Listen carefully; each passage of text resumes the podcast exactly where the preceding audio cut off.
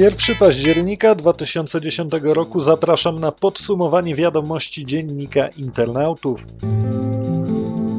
Ministerstwo Sprawiedliwości chce, by rejestracja spółki z ograniczoną odpowiedzialnością była możliwa online. W tej sprawie w resorcie Sprawiedliwości przygotowano projekt nowelizacji kodeksu spółek handlowych. Projekt przewiduje jednodniowy termin rozpatrzenia wniosku o zarejestrowanie spółki z OO.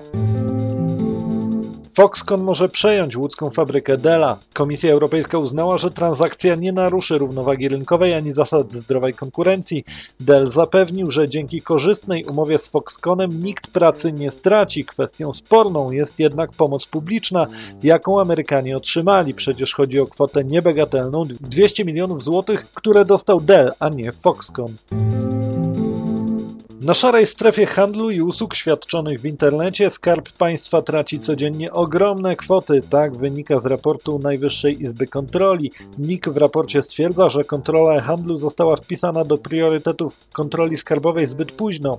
Urzędnicy nie mają dobrych komputerów ani łączy internetowych, nie mają też dostępu do danych sprzedawców. W raporcie NIK czytamy, że na szarej strefie Skarb Państwa traci ogromne kwoty po jednej tylko akcji kontrolnej zleconej urzędom przez NIK na wytypowanym przez kontrolerów obszarze odzyskano blisko 3,5 miliona złotych.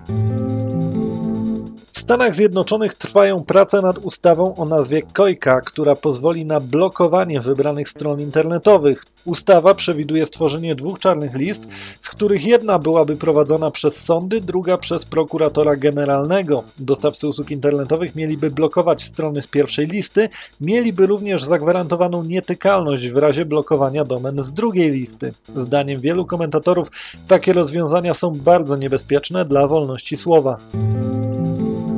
Na początku tego tygodnia w sieci pojawiły się wewnętrzne e-maile firmy prawniczej Axe Law, znanej z zastraszenia internautów w związku z korzystaniem z sieci P2P. Do wycieku doszło w wyniku ataku na stronę firmy. Z ujawnionych wiadomości wynika, że Axe Law ma świadomość atakowania ludzi niewinnych i tylko 30% internautów zgadza się płacić polubowne odszkodowania. Mimo to firma nie podjęła się konfrontacji w sądzie z zastraszonymi osobami.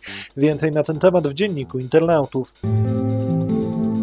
Dziś Telekomunikacja Polska wprowadziła nową ofertę Neostrady i Neostrady z telewizją. Obniżki sięgają nawet 25% i co ważne, dotyczą także obecnych klientów.